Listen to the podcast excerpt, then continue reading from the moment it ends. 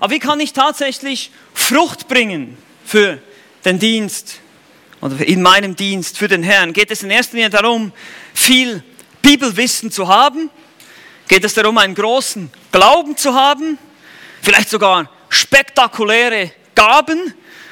Ein äußerst begabter Mensch zu sein, und es gibt viele von denen, auch heute, äußerst begabte Prediger, äußerst begabte, ihr könnt einfüllen, was ihr wollt. Oder vielleicht ist es eher die, die Hingabe, die Opferbereitschaft.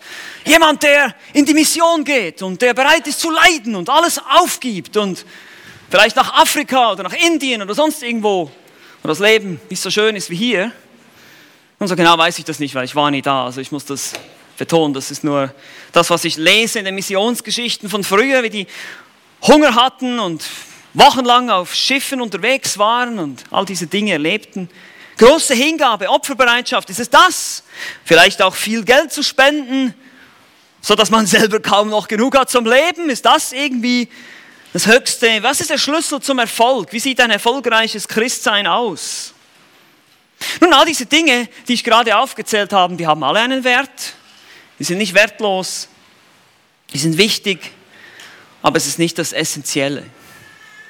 Und Paulus macht deutlich, im ersten Korintherbrief muss gegenüber den sehr begabten, sehr begabten, aber leider sehr geistlich unreifen Korinthern deutlich machen, was wirklich das Essentielle ist im christlichen Leben. Es ist die Liebe.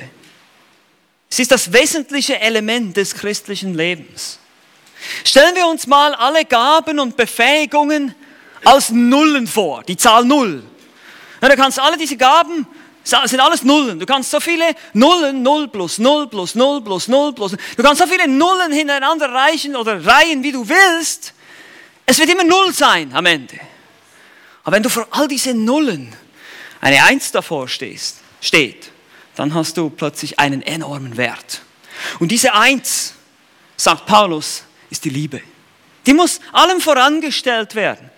Und gerade die Korinther waren sehr, sehr begabte Leute offenbar. Die hatten alles, was sich eine Gemeinde wünscht im ersten Jahrhundert. Die hatten sogar noch die Gaben, die wir heute nicht mehr haben. Die hatten Propheten, die hatten Sprachenredner, die hatten Heilungen, die hatten alles Mögliche. Plus natürlich Leute mit großem Glauben, Leute mit anderen Hilfsleistungen und so weiter und so fort. Und waren super begabte Leute. Aber es fehlte ihnen am richtigen Einsatz dieser Gaben. Die Christen in Korinth dachten nämlich, sie seien weise in ihren eigenen Augen, bauten auf die Philosophie von menschlichen Ideen. Sie dachten, sie wären sozusagen wie angekommen. Wir haben heute Morgen in der Theologiestunde schon deutlich darüber gehört, dass wir als Christen zwar innerlich erneuert sind, aber wir warten noch auf die Verherrlichung unseres Leibes, wenn wir dann ins Friedensreich kommen, ins Millennium zuerst mal und dann in die Ewigkeit. Und diese, diese Christen hier in Korinth, die hatten durch den Einfluss der, der griechischen Philosophie diese Idee bekommen, dass sie jetzt in ihrem kleinen persönlichen Millennium schon angekommen sind und ihre Körper schon nicht mehr so wichtig sind. Alles, was ihr Körper tat, war es war so eine Vorstufe der Gnosis eigentlich, diese ungesunde Trennung von, von Geist und Materie. Und da duldeten sie auch Unmoral und Sie stritten sich, sie, sie hatten diese Weisheitswettbewerbe untereinander, wer der bessere Redner ist, hingen bestimmten Philosophen an aus ihrer Sicht, entweder dem Paulus oder dem Apollos oder anderen, wie das in ihrer Kultur üblich war. Man kann sagen, es war eine lieblose Gemeinde. Sie war gezeichnet von Konkurrenzkämpfen, von Wettkämpfen und die Liebe zu Gott und die Liebe zum Nächsten fehlte völlig. Man verachtete die Armen, beim Mahl des Herrn in Kapitel 11, man feierte die Unmoralischen in Kapitel 5. Oh, das ist so toll, wir haben sogar einen Homosexuellen unter uns oder einen, der mit seiner Stiefmutter ein Verhältnis hat und, und all solche Dinge. Sie gingen zu den Prostituierten, sie hatten diese Freiheiten, konnten machen und tun, was sie wollten. Sie feierten das, sie sahen das als ihre christliche Freiheit an.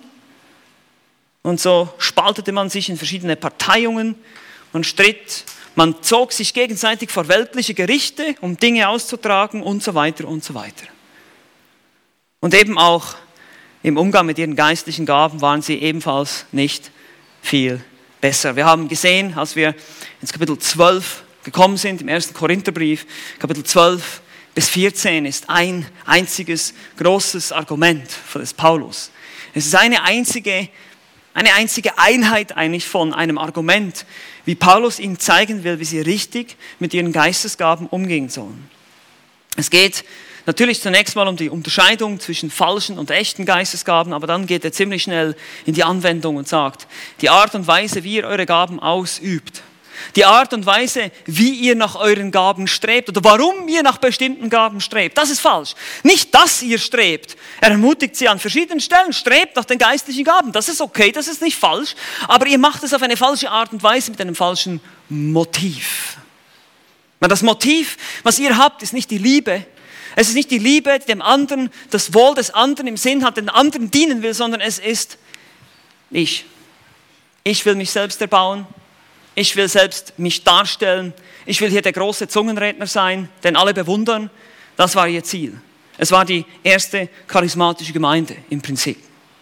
Und so sehen wir, wie Paulus dieses, dieses Problem anspricht im Kapitel 12 und Ordnung reinbringen muss und die Prinzipien und sagt, es hat nicht jeder dieselben Gaben, ihr dürft euch nicht gegenseitig verachten oder es darf keiner denken, ich bin umsonst hier. Und am Schluss des Kapitel 12 sagt er dann, und jetzt zeige ich euch noch einen weit vortrefflicheren Weg. Das Essentielle, das, was euch wirklich fehlt. Und in Kapitel 13 beginnt er seine, das ist wahrscheinlich eine der berühmtesten Textstellen überhaupt in der Bibel. 1. Korinther 13, das hohe Lied der Liebe wird es genannt. Und er beginnt aber zunächst mit ein paar Vorbemerkungen in Versen 1 bis 3, wo er den Vorrang der Liebe zeigt. Eben all diese Gaben, die sind nichts wert ohne die Liebe wenn es sich in Liebe getan wird. Und nun kommt er in Vers 4 zu den Qualitäten der Liebe. Wir werden dann auch noch die Unvergänglichkeit oder die Permanenz der Liebe anschauen, in Versen 8 bis 13. Das ist im Prinzip die Gliederung des gesamten Kapitels. Wir haben den Vorrang, wir haben die Qualität und wir haben die Permanenz, dass die Liebe bleibt und alles andere vergeht. Eben auch die Gaben werden vergehen und aufhören aber die Liebe nicht. Und deshalb ist die Liebe wichtig, deshalb hat sie die Vorrangstellung. Und in den Versen 4 bis 7 zeigt er uns jetzt die Qualitäten der Liebe. Das ist ganz interessant. In einer Serie von 15 Verben zeigt Paulus die Perfektionen der Liebe, die wichtigste Eigenschaft eines wahren Christen. 15 Verben, ich betone das, weil in manchen Bibelübersetzungen habt ihr Adjektive, gerade beim heutigen, die Liebe ist langmütig, ist eigentlich ein Verb, ein Tätigkeitswort. Es ist etwas, was wir in erster Linie tun. Und das ist ganz, ganz wichtig hier. Ohne alle Begabung, also ohne diese Liebe ist, die, ist alle Begabung nichts wert. Bevor wir aber jetzt hier einsteigen in dieses Studium, möchte ich eine Warnung aussprechen. Eine Warnung. Wir werden uns einer sehr überführenden Untersuchung unterziehen hier. Ich weiß, wir denken manchmal von uns, wir sind sehr liebevolle Menschen, ja, wir sind Christen und deshalb sind wir alle so liebevoll. Wir haben vielleicht alle immer ein Lächeln auf dem Gesicht und, aber wenn wir diese 15 Eigenschaften studieren in der Tiefe, dann werden wir sehr schnell feststellen, dass hier ein Spiegel uns vor die vors Gesicht gehalten wird und zeigt, oh wow, ich habe noch viel zu lernen. Und mir ist es so ergangen, als ich das jetzt, dieses Studium begonnen habe. Ich hab, bin echt überführt gewesen in vielen Bereichen und ich hoffe, dass es euch auch so geht. Ja? Und das ist gut. Es ist gut, wenn wir überführt sind. Das ist nicht schlecht, wenn, wenn dir ins Gewissen gesprochen wird, wenn du merkst, oh, das ist, oh, oh, das ist nicht das, was ich praktiziere. Oh, da, da, oh, da gibt es viele Lücken in meinem Leben. Das ist, das ist gut. Das ist gut. Weil dann denken wir nicht wie die Korinther, wir sind schon angekommen im eigenen Millennium, sondern nein, wir haben noch viel zu lernen. Wir haben noch viel zu lernen. Wir halten uns einen Spiegel vor und dieser Spiegel ist die vollkommene Liebe Christi. Das ist die vollkommene Liebe des Christus. Man könnte das Wort Christus überall einsetzen, wo Liebe steht eigentlich hier. Christus ist langmütig, Christus ist gütig, Christus neidet nicht und so weiter und so fort. Es ist Gottes Liebe letztlich. Und lasst uns auch daran denken, warum Paulus diese Verse schrieb. Eben, wie gesagt, Kontext. Kontext hier, der Zusammenhang ist wichtig. Das war kein, Paulus hat sich nicht hingesetzt und gesagt, ich will jetzt hier ein, ein, ein wunderschönes Gedicht über die Liebe schreiben, ein hoher Lied. Nein, das ist eine Kritik an einer lieblosen Gemeinde. Es ist eine Kritik am lieblosen Umgang mit Geistesgaben, eigentlich eine Kritik am lieblosen Dienst. Ja, aber die, die Geistesgaben sind ja zum Dienst gegeben. Und deshalb ist es ein liebloser Dienst, den Paulus hier kritisiert. Und deshalb habe ich am Anfang die Frage gestellt, was ist wichtig für einen christlichen Dienst?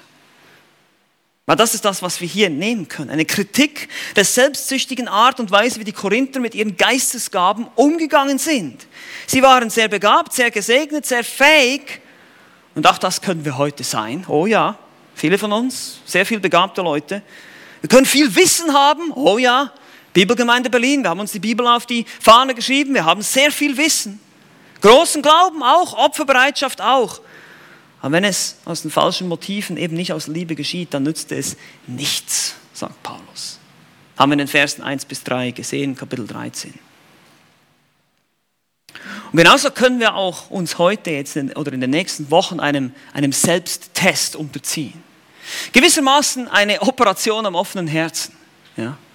Es ist es ist schwierig, manchmal in den Spiegel der Schrift zu schauen und zu merken, wie, wie weit weg wir noch sind von diesem Standard. Wie, wie liebevoll ich wirklich bin. Wie sehr ich doch Christus ähnlich bin oder eben nicht. Und da, dabei geht es wirklich, und das ist jetzt ganz, ganz wichtig, dabei geht es darum, dass du dich selber prüfst. Nicht, dass du jetzt links und rechts sagst, ja, genau, das ist das, was der jetzt braucht. Ja. Nein, nein, nein. Es geht darum, dass du dich selber prüfst. Ja, ich prüfe mich selbst, du prüfst dich selbst. Ja, wir gucken nicht auf den anderen, ja, der braucht das jetzt unbedingt. Nein, nein, ich brauche das. Weil wenn wir so denken, dann haben wir nichts verstanden und sind immer noch lieblos. Ja, wir, wir verachten den anderen und denken, ja, der ist ja nie so freundlich zu mir, ja, der muss jetzt mal gut zuhören hier. Nein, nein. Ich will auf meine eigene Sünde schauen und lernen. Also, die Frage ist, sind wir bereit, bist du bereit, gewaltig überführt zu werden? Weil ich bin es immer noch, wie gesagt, vom Studium dieses Wortes und wir werden es auch weiterhin sein, wenn wir hier durchgehen. Und ich habe mich auch entschieden, das sehr, sehr langsam und gemütlich anzugehen. Nicht eben schnell durchzugehen, alle Eigenschaften mal kurz zu beleuchten, sondern wirklich uns Zeit zu nehmen, darüber nachzudenken und auch ganz praktisch werden zu wollen. Wir müssen, Theologie muss immer praktisch sein, sonst bringt es nichts. Das ist keine Theologie. Ehrlich, letztlich ist es keine echte Theologie, wenn sie nicht praktisch wird. Weil das Ziel, warum Gott dieses Buch geschrieben hat, ist, damit wir Dinge tun. Letztlich. Das ist das Ziel. Ja, das ist natürlich nicht, der Anfang ist es nicht. Ja, es ist klar, wir müssen durch den Glauben an Christus gerecht werden, wir müssen gerettet werden durch das Evangelium, durch die Gnade allein. Aber dann ist das Ziel, dass wir die Werke tun, die Gott zuvor bereitet hat, damit wir in ihnen wandeln. Epheser 2, Vers 10. Und das wollen wir tun. Das wollen wir hier heute Morgen, auch bei der Wärme, ich weiß, das ist eine Herausforderung, sich zu konzentrieren, aber wir wollen das tun. Lasst uns unseren Predigtext für heute anschauen. Er besteht tatsächlich nur aus vier Worten im Deutschen, im Griechischen sind es sogar nur drei. Und es ist erstaunlich, was man alles sagen kann mit ein paar wenigen Worten, zumindest in der Schrift finden wir das oft. Wie gesagt, wir haben den Kontext erarbeitet, sind jetzt in Vers 4. Paulus beginnt diese Qualitäten der Liebe zu beschreiben. Wie ist Liebe? Wie sieht das aus? Und deshalb ist eine ganz praktische, direkte Anwendung auf dich und mich. Er sagt, so ist die Liebe, Christus ist die Liebe, ihr sollt auch so sein. Ja, das ist ganz klar. Ihr sollt diesen Weg gehen, dieser vortreffliche Weg, den ich euch jetzt aufzeige, den Christus gegangen ist, den sollen wir auch gehen. Unser Predigtext für heute hier in Vers 4 beginnt er und sagt, die Liebe ist langmütig. Die Liebe ist langmütig. Als Christen sollten wir von Liebe gekennzeichnet sein. Das ist kein Geheimnis. Jesus hat gesagt, Johannes 13, Vers 35, daran werden alle erkennen, dass ihr meine Jünger seid, dass ihr was? Eine dicke Studienbibel habt zu Hause? Ein Kleber am Auto mit einem Fisch? Nein. Dass ihr Liebe habt untereinander. Daran werden wir erkannt. Das ist das Merkmal eines Christen. Und wir haben uns bereits damit auseinandergesetzt und diejenigen, die jetzt heute zum ersten Mal da sind, euch empfehle ich einfach diese einleitenden Predigten zu hören über das Thema Liebe. Was ist Liebe? Was ist biblische Liebe? Dass es nicht diese romantische, alles tolerierende Gefühlsduselei von heute, ja, die einfach sagt, ja, wir lieben uns alle, Peace and Happiness, alles gut. Nein, das ist nicht die biblische Liebe, sondern es ist eine Liebe, die mit Wahrheit und die mit Gerechtigkeit und die mit Heiligkeit verknüpft ist. Es ist eine heilige Liebe, eine gerechte Liebe. Sie ist auch selbst aufopfernd und hingegeben und stillt Bedürfnisse ohne die Erwartung einer zeitlichen Belohnung. Haben wir gesehen, haben wir definiert. Und deshalb ist Liebe auch langmütig. Nun, wer von uns würde nicht sehr gerne lernen, langmütiger zu sein? Ich meine, wir alle haben irgendwo, ich sage mal immer so unseren roten Knopf, ja, wo man einfach dann plötzlich so ausrastet oder wütend wird oder und, und wir alle wünschen uns vielleicht eben genau diese Problematik zu beherrschen ein bisschen mehr, dass wir lernen, langmütiger, geduldiger zu sein auf Deutsch, mehr Geduld zu haben. Und so beten vielleicht einige von uns, bitte Herr, gib mir mehr Geduld, aber sofort. aber das ist nicht die Art und Weise, wie das geht. Und also möchte ich von dieser Aussage hier heute in Vers 4 drei Schritte aufzeigen. Drei Schritte zum Leben in langmütiger Liebe. Ganz praktisch. Einfach anhand dieser Aussage, auch was es bedeutet. Wir müssen drei Dinge, drei Schritte gehen, damit wir mehr Frucht bringen können für den Herrn im Dienst. Es geht ja, wie gesagt, um den Dienstkontext hier. Paulus fordert schließlich die Korinther auf, in der Liebe zu wachsen, zu dienen, einander zu dienen mit den Gaben, die er ihnen gegeben hat. Im Zusammenhang mit dem richtigen Umgang der Geistesgaben. Also es geht um den Dienst, was wir tun wollen, was auch wir wollen. Und deshalb ist hier eine direkte Anwendung auch für uns. Und wenn es etwas braucht, was wir alle dringend benötigen, im Dienst für den Herrn. Weil der Dienst für den Herrn ist in erster Linie ein Dienst an Menschen, an anderen Sündern, Gläubige und Ungläubige. Ich sage es jetzt mal so ganz plakativ. Wir sind ja keine Sünder mehr von unserer Position her, aber wir sind trotzdem, wir kämpfen mit unserer Sünde. Ihr wisst, was ich meine. Keiner ist perfekt. Und wenn es etwas gibt, was wir in unserem Dienst benötigen, dann ist es Langmut. Oder eben, ich definiere es so, langmütige Liebe. Drei Dinge gilt es zu verstehen, diese Aussage, drei Punkte haben wir heute. Erstens, was bedeutet langmütig? Zweitens, wie hat sich Gottes Langmut gezeigt? Und drittens, wie können wir das nachahmen? Das ist immer das Ziel. Wir sehen in der Schrift, wir sehen die Aufforderungen, wir sehen, die Liebe ist langmütig oder tut dies, tut jenes. Wir sehen die Beispiele, wir sehen es illustriert oft durch die Geschichte hindurch, wie Gott selber diese Eigenschaften lebt. Und dann werden wir aufgerufen, Nachahmer Gottes, Nachahmer Christi zu sein. So, lasst uns den ersten Punkt betrachten. Die Bedeutung der langmütigen Liebe verstehen. Das ist das Erste, was wir müssen verstehen. Wovon sprechen wir hier eigentlich? Nun, es gibt einmal mehrere wichtige Beobachtungen hier festzuhalten in diesem Text diese erste Eigenschaft oder erste Perfektion der Liebe, diese erste Vollkommenheit der Liebe richtig zu verstehen. Unser Text lautet, wie gesagt, die Liebe ist langmütig. Und dieses Wort langmütig ist auch, wie gesagt, ein Verb. Makrothumeo als Verb oder auch Makrothumia kommt es auch vor im Neuen Testament unter Langmut. Ist wörtlich Makros, also lange und Thumos, entweder Zorn oder sogar auch Leidenschaft oder Verlangen. Langsam zum Zorn wäre ein Verständnis aus dem Hebräischen, zum Beispiel aus Psalm 145 oder auch natürlich das Bekenntnis, dass Gott eben langsam zum Zorn ist. Oder man kann auch sagen, man ist lange bereit zu leiden. Es bedeutet einfach einen langen Atem zu haben, würden wir heute sagen, es wird, und deshalb wird der Ausdruck langmütig verwendet. Es ist Geduld in erster Linie in Bezug, und das ist interessant, in erster Linie in Bezug auf andere Menschen und Personen. Es geht also hier nicht unbedingt um die Geduld in einer bestimmten Situation oder in einem Leiden, sondern hier das Wort Makrothumeo wird vor allem in, in Bezug auf Personen verwendet. Wie gesagt, auch hier der Dienst an anderen Menschen mit meinen Gaben. Das ist der Kontext. Ich muss euch immer wieder daran erinnern, dass wir das im Kontext verstehen müssen. Es geht hier ganz konkret um den Dienst an anderen Menschen mit meinen Gaben und das soll eben in einer langmütigen Art und Weise aufgrund der Liebe Christi geschehen. Man ist bereit, lange zu leiden, ohne dabei die Geduld zu verlieren, wütend oder ärgerlich zu werden oder gar Rache üben zu wollen. Ein Beispiel dafür finden wir in 1. Thessalonicher 5, Vers 14. Wir ermahnen euch aber, Brüder, Und da seht ihr schon, dass diese Langmut nicht unbedingt passiv ist. Ja? Das ist nicht einfach so ein Rumsitzen, ja, ich bin jetzt hier langmütig und lasse einfach alles über mich ergehen. Völlig passiv ist es nicht.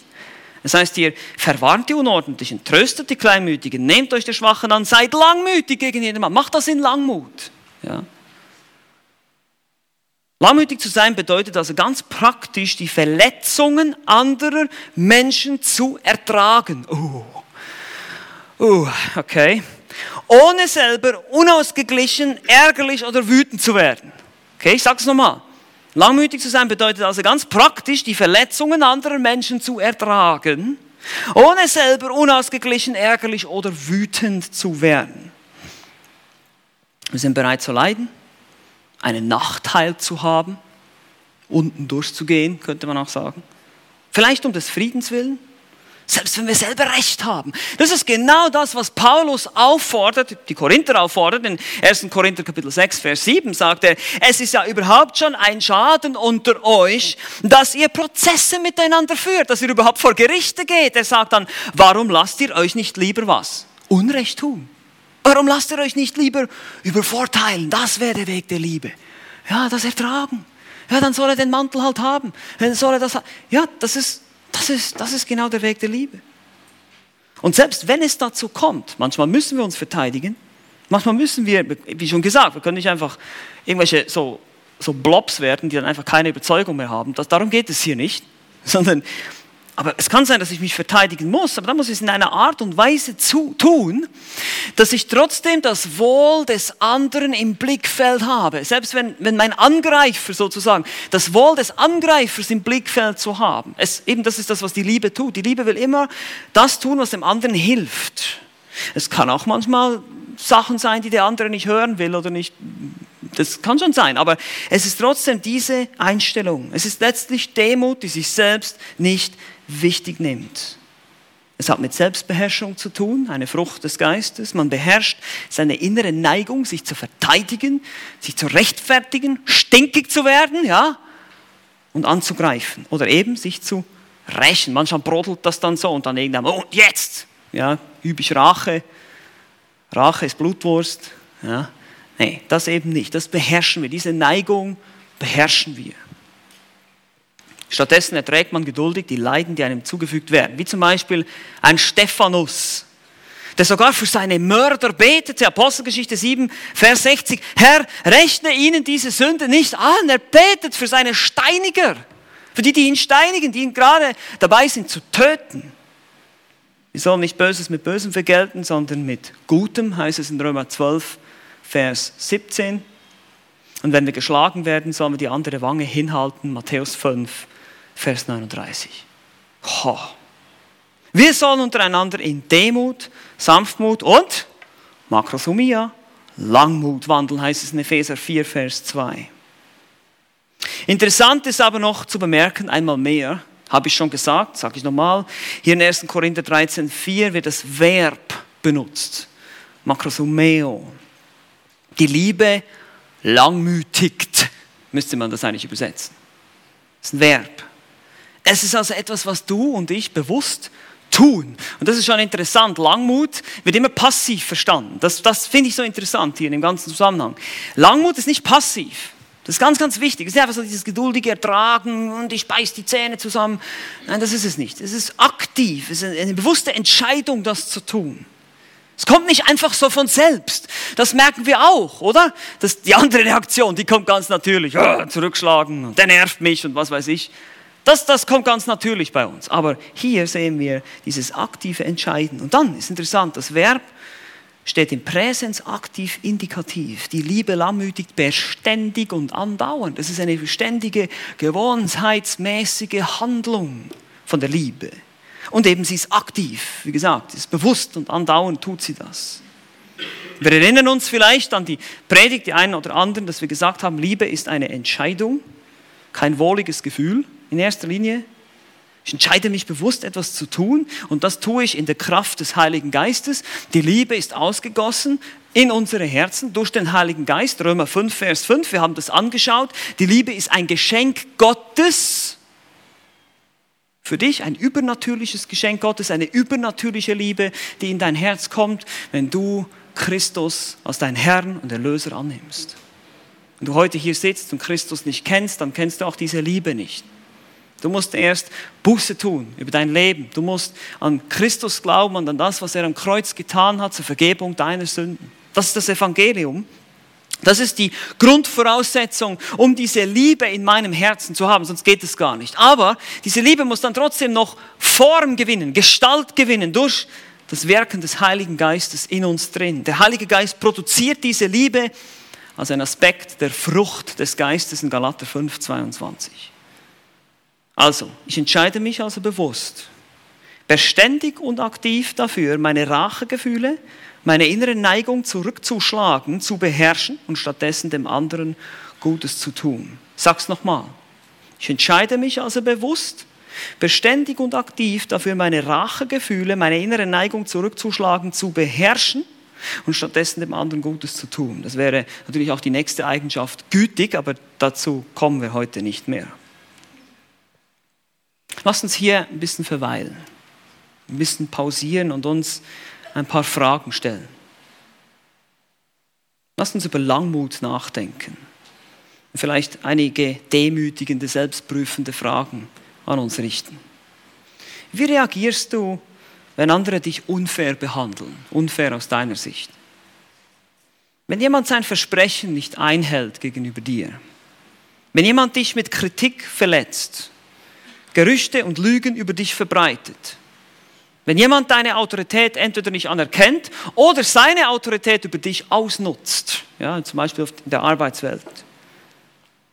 Wenn jemand mit dem Kopf durch die Wand geht und dich dabei verletzt, Groll gegen dich hat, dir die Schuld zuschiebt, sich weigert, mit dir zu kooperieren.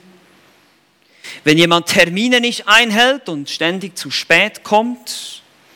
Wenn die Kinder immer die Tür offen lassen, die Hände nicht waschen, die Kleider herumliegen lassen, die Zähne nicht putzen. Und hier ist für mich einer, der ein ganz besonderer, für mich persönlich, mit vollem Mund reden beim Essen. Wie reagieren wir dann? Ja, wie reagieren wir dann? Wie reagierst du darauf? Nun, hier muss eine wichtige Sache geklärt werden. Wir sollen in Langmut reagieren, aber wir sollen reagieren, okay? Das ist nicht, wie gesagt, ich betone das absichtlich, weil manche Leute stellen sich das so vor, ich bin einfach geduldig, ich bin geduldig, ich bin geduldig. Und das ist unsere passive Geduldshaltung. Aber das hat nichts mit der Langmut zu tun. Die, die Liebe ist aktiv, die Liebe tut etwas und sie tut es in einer großen Geduld, in einer mittragenden Geduld. Zum Beispiel, dass wir Sünde tolerieren, das, das ist damit nicht gemeint. Biblische Langmut ist nicht eine Langmut, die einfach daneben steht und passiv ist und jemandem zuguckt, wie er sündigt und weitermacht das ist Feigheit und Faulheit und Gleichgültigkeit und Bequemlichkeit, aber es ist nicht Geduld. Und das müssen wir uns bewusst sein. Wir können solchen Leuten in Langmut und Geduld entweder die Unvollkommenheiten ertragen, wenn es so kleine Macken sind, ihr kennt das alle, wir alle haben das.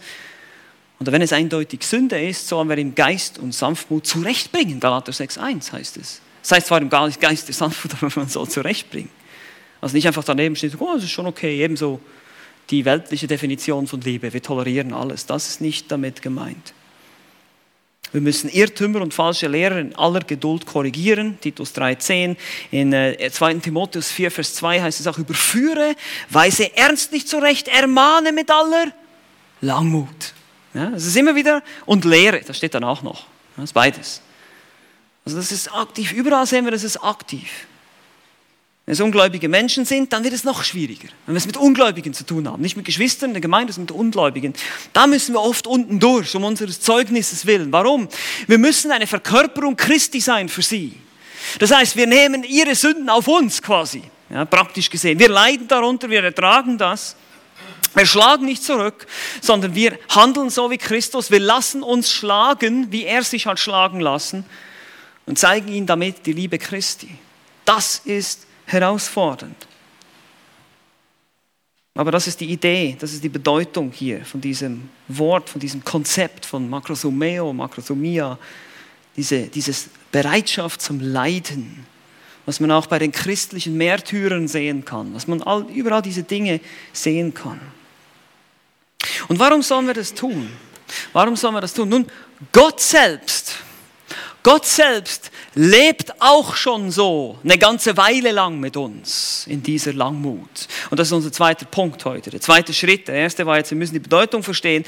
Der zweite Schritt ist, wir müssen Gottes langmütige Liebe verstehen. Wir müssen darüber nachdenken, wer Gott ist. Ich habe euch ja am Anfang gesagt, Theologie hat immer das Ziel, dass wir praktisch werden, aber wir werden praktisch, indem dass wir über Gott nachdenken.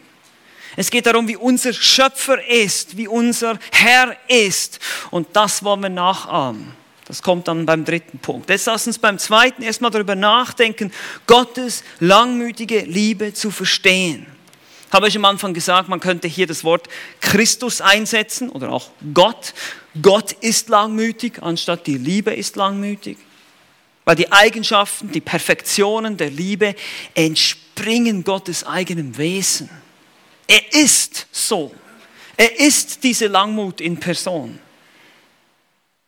Und wenn wir von der biblischen Geschichte etwas lernen können, dann ist es die Tatsache, dass unser Gott ein langmütiger und geduldiger Gott ist. 2. Mose 34, Vers 6 heißt es, der Herr, der Herr, der starke Gott, der barmherzig und gnädig ist, langsam zum Zorn, hier ist dieses Konzept, und von großer Gnade und Treue. Es dauert lange, bis sein Zorn entzündet wird. Meine Lieben, wir hätten es schon lange verdient, in der Hölle zu sein. Diese Welt ist gerichtsreif. Wir sind alle Sünder, wir haben alle Gottes Gebote gebrochen, wir haben eigentlich keine Daseinsberechtigung mehr als Welt, als Menschheit. Wir sollten schon lange nicht mehr existieren, wenn wir die Heiligkeit und die Gerechtigkeit, die vollkommene Gerechtigkeit Gottes uns vor Augen führen, was die Menschen schon seit Jahrtausenden tun, müsste man sagen, diese Welt ist mehr als reif für die Kehrichtverbrennungsanlage, die göttliche, die Hölle. Und das ist genau das, was die Bibel sagt. Der Mensch taugt nichts in seinem natürlichen Zustand, er ist geistlich tot. Wir können nichts tun, was Gott irgendwie gefallen würde, deshalb brauchen wir Christus, der uns rettet. Der Mensch sündigt und sündigt und sündigt und er lehnt sich gegen Gott auf. Und das begann schon da im Garten Eden bei Adam und Eva. Sie bringen den Tod und die Zerstörung in die Welt in 1. Mose Kapitel 3. Aber nicht komplett. Gott löscht sie nicht einfach alle aus, sondern er lässt sie weiterleben. Er lässt sie weiterleben, damit sie zur Besinnung kommen können. Gott ist geduldig. Die meisten Menschen kommen aber nicht zur Besinnung und Gott löscht die ganze Welt kurzerhand mit einer Sintflut aus in 1. Mose Kapitel 6, aber nicht alle Menschen.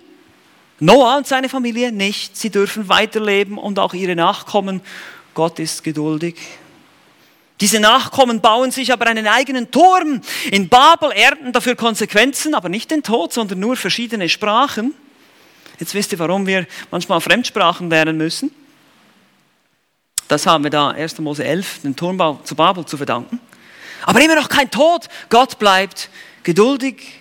Und es geht weiter mit Abraham, der auch nicht gerade ein unbeschriebenes Blatt ist. Er lügt und er zeugt einen Sohn mit seiner Magd, aber Gott bleibt geduldig. Und nach Abraham kommt Isaac, der den falschen Sohn bevorzugte, Esau anstatt Jakob. Dann kommt Jakob, der Betrüger, durch den die zwölf Stämme Israels ins Dasein kamen, weil er zwei Frauen hatte, die sich gegenseitig im Wettgebären bekämpften.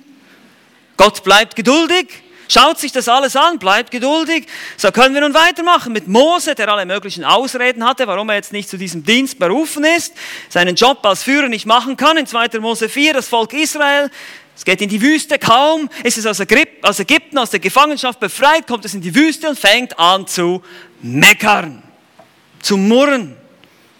Wir haben kein Wasser, das Manna ist uns verleidet, wir wollen das nicht mehr essen. Gott bleibt geduldig, er bleibt geduldig, er führt sie weiter durch die Wüste, aber auch nicht ohne Konsequenzen. Irgendeinmal reicht es dann. Sie müssen weitere 40 Jahre in der Wüste schmoren und wandern. Und als Gott schließlich die Geduld verliert, tritt Mose für das Volk ein und Gott lässt sich wieder besänftigen in 4. Mose 14. Und schließlich stirbt Mose und unter Josua nehmen sie das verheißene Land ein. Naja, fast aber eben auch nicht konsequent. Wir erfahren das im Buch der Richter. Sie lassen gewisse Völker leben und dann vermischen sie sich mit dem, mit dem Götzendienst und sie treiben Götzendienst und es gibt Vermischung und Gott muss Gerichte bringen. Sie tun wieder Buße und er schickt ihnen wieder Richter, die sie dann wieder rausholen aus dem Schlamassel. Kaum dauert der Frieden etwas an, fällt Israel wieder rein, dieselben Sünden. Und das lernen wir, Gott bleibt geduldig. Immer wieder ist er gnädig und rettet sie. Schließlich wünschen sich die Israeliten sogar einen menschlichen König. Die sagen, ich will nicht mehr, dass Gott alleine Herrscher ist. Wir wollen einen menschlichen König, den wir sehen können. 1 Samuel 8. Gott ist geduldig. Er gibt ihnen, was sie sich wünschen. Aber es ist fatal. Es ist ein Desaster. Der erste König ist ungehorsam, ein schlechtes Vorbild, wird verworfen. Dann kommt David, der Mann nach dem Herzen Gottes. 1 Samuel 16. Aber auch er hat Probleme. Sein Ehebruch mit Bathseba ist uns bekannt, bringt große Probleme in sein Familienleben, in sein Königreich. Aber Gott bleibt geduldig. Gott bleibt ihm treu. Dann kommt die Zeit der Könige. Salomo fällt am Ende seines Lebens ab und spaltet das Königreich in zwei Teile. Das Nord- und Südreich entsteht. Auch hier im Norden lesen wir von den gottlosen Königen. Götzendienst, Baalsverehrung nimmt Überhand. Durch den Dienst der Propheten Elia und Elisa wird der Baalsdienst ausgerottet. Die 70 Söhne Ahabs werden geköpft. Gott bleibt geduldig. Man fällt in den alten Synkretismus zurück unter Jerobeam und schließlich geht man ins assyrische Exil. Aber es gibt immer noch das Südreich, da gibt es zwei gerechte Könige noch, Hiskia und Josia, aber danach auch nur noch Abfall. Und so ist die Geduld dann irgendwann mal doch am Ende und dann heißt es ab ins babylonische Exil. Für immer? Nein, nicht für immer. Nach 70 Jahren kommen sie zurück. Gott bleibt treu, er bleibt geduldig. Aber auch da, aus diesem Volk kommt dann der Messias auf die Weltbühne. Christus kommt und im Leben Jesu sehen wir wieder eine unendliche Geduld. Der Schöpfer, der eigene der, der die Menschen gemacht hat. Er, er braucht Geduld. An, an einer Stelle in Markus 9 sagt er, oh du ungläubiges Geschlecht, wie lange soll ich bei euch sein? Wie lange soll ich euch ertragen? sagt Jesus. Und dennoch verlor er die Geduld und Langmut nicht mit den Jüngern, obwohl die Jünger vieles nicht verstanden und oft wirklich schwer vom Begriff waren, so wie wir auch. Aber Jesus bleibt geduldig. Überlegt euch mal die Jünger, der Petrus und diese Typen alle, ja. Ich meine, das ist einfach, das ist ein Chaotenhaufen, ja. Aber Jesus macht aus denen was, er bleibt geduldig, er rüstet sie aus, er belehrt sie, er stirbt für sie am Kreuz und dann beginnt das Zeitalter der Gemeinde in Apostelgeschichte 2. Aber auch die Gemeinden, auch die Gemeinden erfordern Gottes Geduld und Langmut, besonders die Gemeinde in Korinth, haben wir gesehen, jetzt schon seit längerem. Und die Frage ist, wie ist es heute? 2000 Jahre später sind wir klüger geworden? Die Antwort ist Nein, nein, leider nicht. Die Gemeinde ist geplagt von falschen Lehrern, von, auch von Streitereien, von Unmoral, von Sünde. Aber der Herr ist weiterhin geduldig. Warum? Die Antwort ist in 2. Petrus 3, Vers 9. Den Vers habt ihr, glaube ich, auf eurem Gemeindeblatt. Der Herr zögert nicht die Verheißung hinaus, wie etliches für ein Hinauszögern halten. Ja, man könnte mal sagen, ja, wann kommt er denn endlich? Ebenso ungeduldig, wie wir halt sind. Ne? Herr Jesus hat doch gesagt, er kommt wieder. Jetzt ist es schon 2000 Jahre her. Was soll denn das eigentlich? Wie lange sollen wir denn noch warten?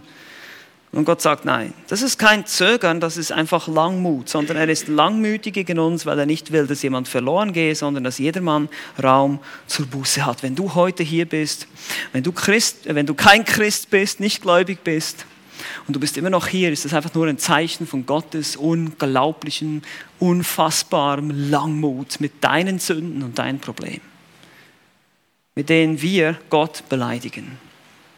Er ist langmütig mit dieser Welt und deshalb sollten wir ebenfalls langmütig sein. Das ist der dritte Punkt heute, der dritte Schritt, wenn man so will, in die richtige Richtung.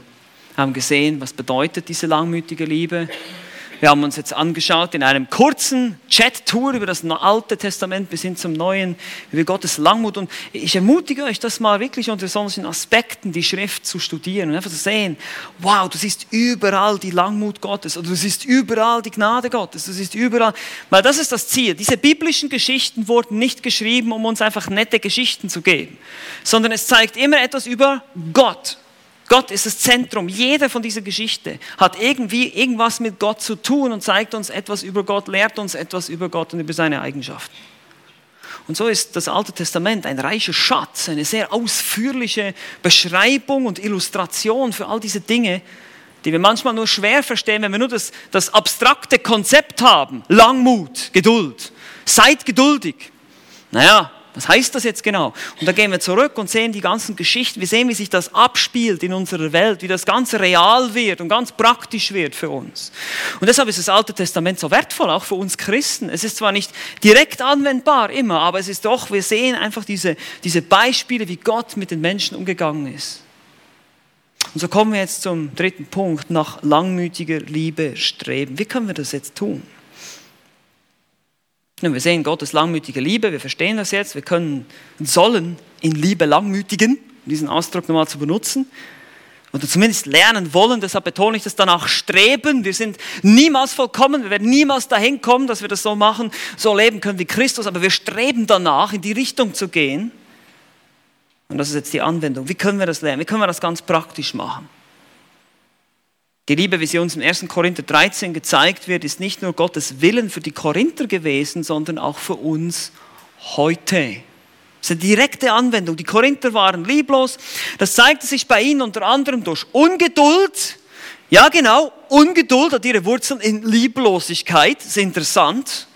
Wenn ich mit jemandem ungeduldig bin oder sogar eben auf Rache sinne, weil er mir etwas zu leid getan hat, kann ich langmütig bin, ich bereit bin zu ertragen, kann ich nicht von Liebe sprechen. Er oder sie macht immer das oder jenes, wann wird er das endlich lernen? Du bist ungeduldig, lieblos. Und die Korinther warteten nicht aufeinander beim Mahl des Herrn. Sie waren ungeduldig. Es fehlte an Langmut. Sie gingen miteinander sofort vor Gericht. Ungeduldig. Und auch im Umgang mit den Geistesgaben. Jeder wollte der Erste sein. Ich will in Zungen reden. Ich will Prophetien aussprechen. Und wild durcheinander ging es und keiner war bereit, auf einen anderen zu warten oder keiner war bereit, auf, auf einen Übersetzer zu warten, damit es der Gemeinde irgendwie dienen würde. Ungeduld. Kein Langmut, um aufeinander zu warten. Die einen wollen sprechen, die anderen auch. Alles durcheinander. Aber wie ist es mit uns heute? Meine, das ist die praktische Auswirkung hier damals für die Korinther, die praktische Auswirkung für uns. Und das ist einfach das, was ich uns mitgeben will. Ich sage bewusst uns. Ich nehme das auch mit. Das ist wichtig. Fünf Lektionen. Fünf Lektionen können wir lernen. Erstens, die erste Lektion. Verstehe Gottes unendliche Geduld mit deinen Sünden und Unvollkommenheiten. Das ist mal das Erste. So wie mit dem Volk Israel, mit Mose, mit Salomo, mit David, mit den Jüngern, so muss Gott auch mit dir und mit mir äußerst geduldig sein, äußerst langmütig. Denke mal an all deine Sünden. Denke mal an all deine, dein Versagen. Was du, was, was, vielleicht auch nicht unbedingt, was andere dir angetan haben, aber was du anderen antust. Was du dir so jeden Tag leistest. Vielleicht auch nur Nachlässigkeit, Faulheit, Gebetslosigkeit, mangelndes Bibellesen, der letzte Streit mit deiner Frau, der letzte Ausraster mit den Kindern, schwierige Beziehung, du nervst dich ständig über eine bestimmte Person, die nicht macht, was du willst. Denke an all dein Versagen, deine vorschnellen Sprüche, deine schlechten Entscheidungen, deine dummen Reaktionen. Wow. All das, all das muss Gott ertragen, jeden Tag. Überlegt euch das mal. Ich überlege mir das. Ich denke, wow, der Herr braucht so viel Geduld mit mir, echt. Aber dann haben wir noch Gedanken. Die Gedanken, die sieht man ja nicht. Ja? Das sind noch meine Gedanken. Meine Gedankenwelt, die braucht auch schon sehr viel Langmut Gottes, wenn wir die falschen Gedanken denken. Es liegt nämlich alles bloß und aufgedeckt vor den Augen dessen, mit dem wir es zu tun haben. Hebräer 4,13, es ist alles offen. Und trotz all dem hat Gott seine Geduld mit dir nicht verloren. Weißt du, warum ich das weiß? Du bist noch am Leben. Du bist noch da. Ja, ich meine, das ist, das ist eine Tatsache. Macht dich das dankbar? Sollte es, sollte mich dankbar machen und sollte ich mir die Frage stellen, sollte ich nicht dieselbe Langmut gegenüber anderen haben? Sollten andere Personen nicht auch so viel Geduld bekommen? Vor allem, wenn man sich noch Folgendes überlegt, können andere so sehr an dir sündigen, wie du gegen Gott gesündigt hast? Können andere so sehr an mir sündigen, wie ich gegen Gott gesündigt habe? Nein. Geht nicht. Antwort nein. Gott ist heilig, ich bin nicht heilig. Ich habe Strafe verdient, Gott nicht. Und David es auch gesagt im Psalm 51, gegen dich allein habe ich gesündigt, obwohl er mit Bathseba gesündigt hat, aber gegen dich allein. Es ist, es ist viel, viel schlimmer, dass er gegen Gott gesündigt hat. Gegen Menschen ist auch nicht gut, ist auch schlimm, aber gegen Gott ist das Schlimmste an der Sünde. Die Auflehnung gegen Gott, die, die Verletzung der Ehre Gottes, die Beleidigung der Ehre Gottes, das ist der schlimmste Aspekt der Sünde, unsere Sünde. Mit jeder schlechten Einstellung, mit jeder Rebellion, mit jedem schlechten Gedanken rebelliere ich gegen Gott und, und reize seine Geduld aus. Bin ich dankbar dafür. Verstehe Gottes Geduld mit deinen Sünden und Unvollkommenheit. Das ist Nummer eins. Nummer zwei, Tiefluft holen. Verstehe die Geduld anderer mit deinen Sünden und Unvollkommenheiten. Verstehe die Geduld anderer mit deinen Sünden und Unvollkommenheiten. Was für den Herrn gilt, gilt in einem kleineren Maße auch für andere, besonders natürlich unsere Geschwister im Herrn in der Gemeinde. Belege dir mal, wie viel deine Ehefrau, deine Kinder oder die Leute, die um dich herum leben, meine Ehefrau ertragen muss, jeden Tag in Geduld.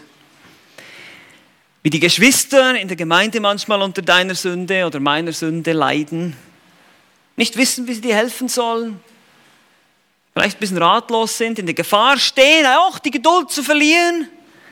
Denke mal darüber nach. Wie sehr du auf die Langmut anderer angewiesen bist. Wir alle sind das. Vielleicht auch deine Wegekollegen oder was immer, wo immer Beziehungen sind, gibt es Probleme, weil wir Menschen sind. Und es braucht Geduld. Wenn du darüber nachdenkst, wie wirst auch du langmütiger werden, geduldiger, weil du weißt, ich, ich brauche das. Die goldene Regel in Matthäus 7, 12 sagt, alles nun, was irgend ihr wollt, dass euch die Menschen tun, das tut auch ihr ihnen ebenso. Denn dies ist das Gesetz und die Propheten. Wenn du möchtest, dass andere mit dir geduldig sind, dann tue es ebenso. Du wünschst dir, dass andere mit dir geduldig sind, die Zeit, dir Zeit geben sozusagen, dich ertragen, ja, dann tu das auch so. Du mal einen miesen Tag hattest, ich meine, das ist einfach so. Wir brauchen alle Geduld. Das Zweite. Verstehe Gottes unendliche Geduld, verstehe die Geduld von anderen. Drittens, jetzt kommt die dritte Lektion und das ist ganz, ganz entscheidend. Hier wird es jetzt ganz praktisch. Verstehe Geduldsprüfungen als Gelegenheiten vom Herrn und nicht als Probleme. Verstehe Geduldsprüfungen als Gelegenheiten vom Herrn und nicht als Probleme. Das ist unsere Neigung. Ah, das ist ein Problem und das nervt mich und, und gehe ich aus dem Weg irgendwie. Aber der Herr gibt uns Gelegenheiten. Vor allem, wenn du so etwas wie eine Einstellung lernen willst. Geduld. Geduldige Einstellung zu haben. Aus Liebe geduldig zu sein, langmütig zu sein. Wenn wir sowas lernen müssen, dann musst du damit rechnen, dass Gott dir Gelegenheiten geben wird, das zu üben. Trainingsobjekte in dein Leben zu bringen. Ja, das sind andere Menschen, die sehr viel Geduld brauchen. Das sind Trainingsobjekte, in Anführungsstrichen. Ja, einfach, dass ihr das seht. Das ist Gelegenheit, Liebe zu üben, Gelegenheit zu trainieren, diese Dinge zu lernen. Und deshalb hier die Frage, hast du schwierige Beziehungen in deinem Leben? Regen dich andere Menschen auf? Vielleicht ein pedantischer Vorgesetzter oder ein nerviger Arbeitskollege? Oder ein Bruder aus der Gemeinde? Der eine vielleicht etwas seltsame Art hat, ein Freund zu sein oder wie auch immer, Kinder, Jugendliche, die alles ständig herumliegen lassen, zum Beispiel, Verwandte oder Bekannte, denen du schon gefühlt, gefühlt zum 27.000. Mal das Evangelium erklärt hast, die begreifen es immer noch nicht. Schwierige Arbeitskollegen, die ständig andere Ideen haben und deine Pläne durchkreuzen, obwohl du das natürlich alles viel besser machen würdest. All das, all das sind Gelegenheiten. Gelegenheiten, um zu üben um zu lernen und zu sagen, Herr, ich weiß, ich muss Geduld lernen. Dieses Gebet einfach zu sprechen, und sagen, oh, jetzt aber, jetzt kommt jetzt kommt's richtig. Ich habe dafür gebetet, und das sind gefährliche Gebete. Ja? Wenn, ihr, wenn ihr betet, sagt, Herr, mach mich heilig, okay. Aber dann musst du erwarten, dass, dass du irgendwelche, irgendwelche Gelegenheiten bekommst, diese Dinge zu üben. Wie gesagt, all das sind nicht Probleme, sondern es sind Gelegenheiten. Und in, in diesem speziellen Zusammenhang hier sind es Gelegenheiten, langmütig zu sein, langmütig zu reagieren. Wie gesagt, wir sollen reagieren. Wir müssen schon das Gespräch suchen. Wir müssen schon Handlungen ausführen. Wir müssen in Aktion treten. Aber wir müssen trotzdem das in aller Langmut und Ruhe machen. Wir reagieren, wir sind nicht passiv, wir lassen nicht einfach alles über uns ergehen, sondern wir reagieren, wir ermahnen, wir korrigieren, wenn nötig, vielleicht auch andere Dinge tun wir, um das zu tun, aber in Geduld. Viertens, auch wichtig, beherrsche deinen Ärger und entscheide dich in der Kraft des Geistes zur Langmut. Also beherrsche deinen Ärger und entscheide dich in der Kraft des Geistes zur Langmut. Das ist eine Entscheidung, die du und ich bewusst treffen müssen. Wie gesagt, das kommt nicht von alleine in dein Leben, einfach so, blub, und dann bist du langmütig, sondern das, man muss sich hinsetzen und nachdenken. Ich entscheide mich bewusst, das Richtige zu tun. Wann immer es zu einer Situation kam, in der ich die Nerven verlor und ärgerlich wurde, gesündigt habe, muss ich mich prüfen. Ich muss Buße tun, aber ich muss mehr tun. Ich muss mich hinsetzen und mir eine Strategie überlegen. Was werde ich beim nächsten Mal tun, wenn diese Situation wieder kommt? Wie werde ich reagieren? Ich nehme mir das vor. Ich werde das sagen. Ich werde das tun. Das ist ganz praktisches Ausziehen von dem alten Menschen und Anziehen des Neuen. Wenn wir das nicht bewusst machen, dann wirst du nicht vorankommen in der Heiligung. Und so ist es auch bei der Geduld. Was wollte ich in dem Moment so sehr, dass ich bereit war, dafür zu sündigen, weil ich es nicht gekriegt habe, zornig wurde, Geduld verloren habe? Was habe ich nicht bekommen und war bereit zu sündigen, weil ich es nicht bekommen habe, ungeduldig war, ich wollte nicht mehr warten? Was war der Götze in meinem Herzen in dem Moment? Das ist die Frage. Und davon muss ich Buße tun. Vielleicht war es einfach nur meine Bequemlichkeit. Ich will es einfach einfach haben im Leben. Deshalb bin ich ungeduldig. Ich will das alles sofort haben. Es ist eine Krankheit unserer heutigen Gesellschaft, dass man alles immer sofort haben muss. Und das ist genau das, was wir lernen müssen. Der Herr gibt uns nicht immer alles gleich sofort, was wir wollen. Wir müssen in Geduld lernen, auf ihn zu warten. Und wie kann ich dann in der nächsten Mal in dieser spezifischen Situation biblisch reagieren? Wie kann ich das machen? Das muss ich mir vielleicht aufschreiben und jeden Tag durchlesen und dafür beten. Was mache ich, wenn mein Sohn zum x Mal seine Kleider nicht aufgeräumt hat? Wie werde ich reagieren? Sorry. ja, ist nur ein Beispiel. Rein hypothetisch natürlich. Ne? Rein hypothetisch. Ja? Was mache ich, werde ich wieder ausrasten, weil es schon, und, und, und dann solche Sachen sagen wie zum zehntausendsten Mal, obwohl das überhaupt nicht stimmt. Ich habe ja nicht gezählt. Nein, Liebe ist langmütig. Sie hat das, aber die Liebe ist langmütig, aber sie hat das Wohl des anderen im Sinn. Das heißt, ich muss mir überlegen, wie ich reagiere. Nicht einfach so, okay, dann lass ihn halt machen. Dann liegen die Kleider halt rum. Nein, das ist lieblos. Damit hilfst du ihm nicht. Du musst in Liebe ihn korrigieren und sagen, schau mal, nochmal, räum deine Kleider auf und versuch ihm vielleicht eine Hilfe zu geben, weil dein Ziel ist es ja, dass er ein ordentlicher Mensch wird und nicht einfach so ein Huschi-Wuschi, der alles rumliegen lässt. Ja, das ist die Liebe. Die Liebe macht das. Die Liebe will dem anderen helfen, das Wohl des anderen im Sinn, ohne die Erwartung einer zeitlichen Belohnung. Ich habe nichts davon, aber na gut, vielleicht, die, die Kleider sind dann aufgeräumt, das ist schön, aber trotzdem, es ist irgendwo, ich muss das Wohl des anderen im Kopf haben. Und das tut die Liebe. Und zu guter Letzt, fünftens, als letzter Punkt hier, halte durch und gib nicht auf. Halte durch, gib nicht auf. Ich weiß, wie das ist, mit der Geduld lernen. Das ist, eben, da können wir ein Leben lang üben. Ist klar.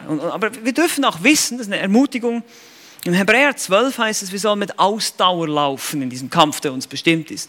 Das christliche Leben ist kein Sprint, sondern ein Marathon. Es ist eine lange Strecke. Wir müssen eben diesen langen Atem haben. Wir müssen durchhalten, durchziehen, lange, lange diese Dinge üben. Gewohnheitsmäßige innere Einstellungen wie die Langmut, das ist eine gewohnheitsmäßige innere Einstellung, die sich entwickeln muss in dir Christus muss Gestalt gewinnen, heißt es im Galaterbrief, in uns. Und Christus gewinnt Gestalt in mir, Galater 4,19, wenn ich geduldiger Mensch bin, wenn ich langmütig wäre, langsam zum Zorn bin und lange leiden kann und geduldig bin und Dinge immer wieder anspreche. Vielleicht sogar immer wieder dieselben Dinge zu sagen zu einer Person. Das ist Geduld. Und ich weiß, wie schwer das manchmal ist. Aber gib nicht auf. Das ist der Punkt. Gib nicht auf. Trainiere weiter. Geh weiter in diesem Hamsterrad. Ja, weitermachen, weitermachen. Nicht aufhören. Irgendwann mal klappt's. Es ist manchmal auch so, dass wir dann einfach umfallen oder fallen und einfach wieder liegen bleiben. Und, ah, ich werde das eh nie lernen, ich bin einfach ungeduldig. Nein, das ist falsch. Falsches Denken. Nicht aufgeben, weil die Bibel sagt uns, du sollst mit Ausdauer laufen in dem Kampf. Das ist ein Kampf, das ist nicht so einfach. Ich kämpfe gegen meine eigene Sünde. Das ist ein Kampf, im Kampf gegen die Sünde. Und deshalb erinnere dich an diese Dinge, erinnere dich an Gottes Geduld mit dir, an die Geduld anderer mit dir Erinnere dich an die, siehe die Situation als Gelegenheiten, nicht als Probleme und lass dich ermutigen, in Kraft des Geistes dich für das Richtige zu entscheiden. Amen. Amen. Lass uns nochmal gemeinsam beten.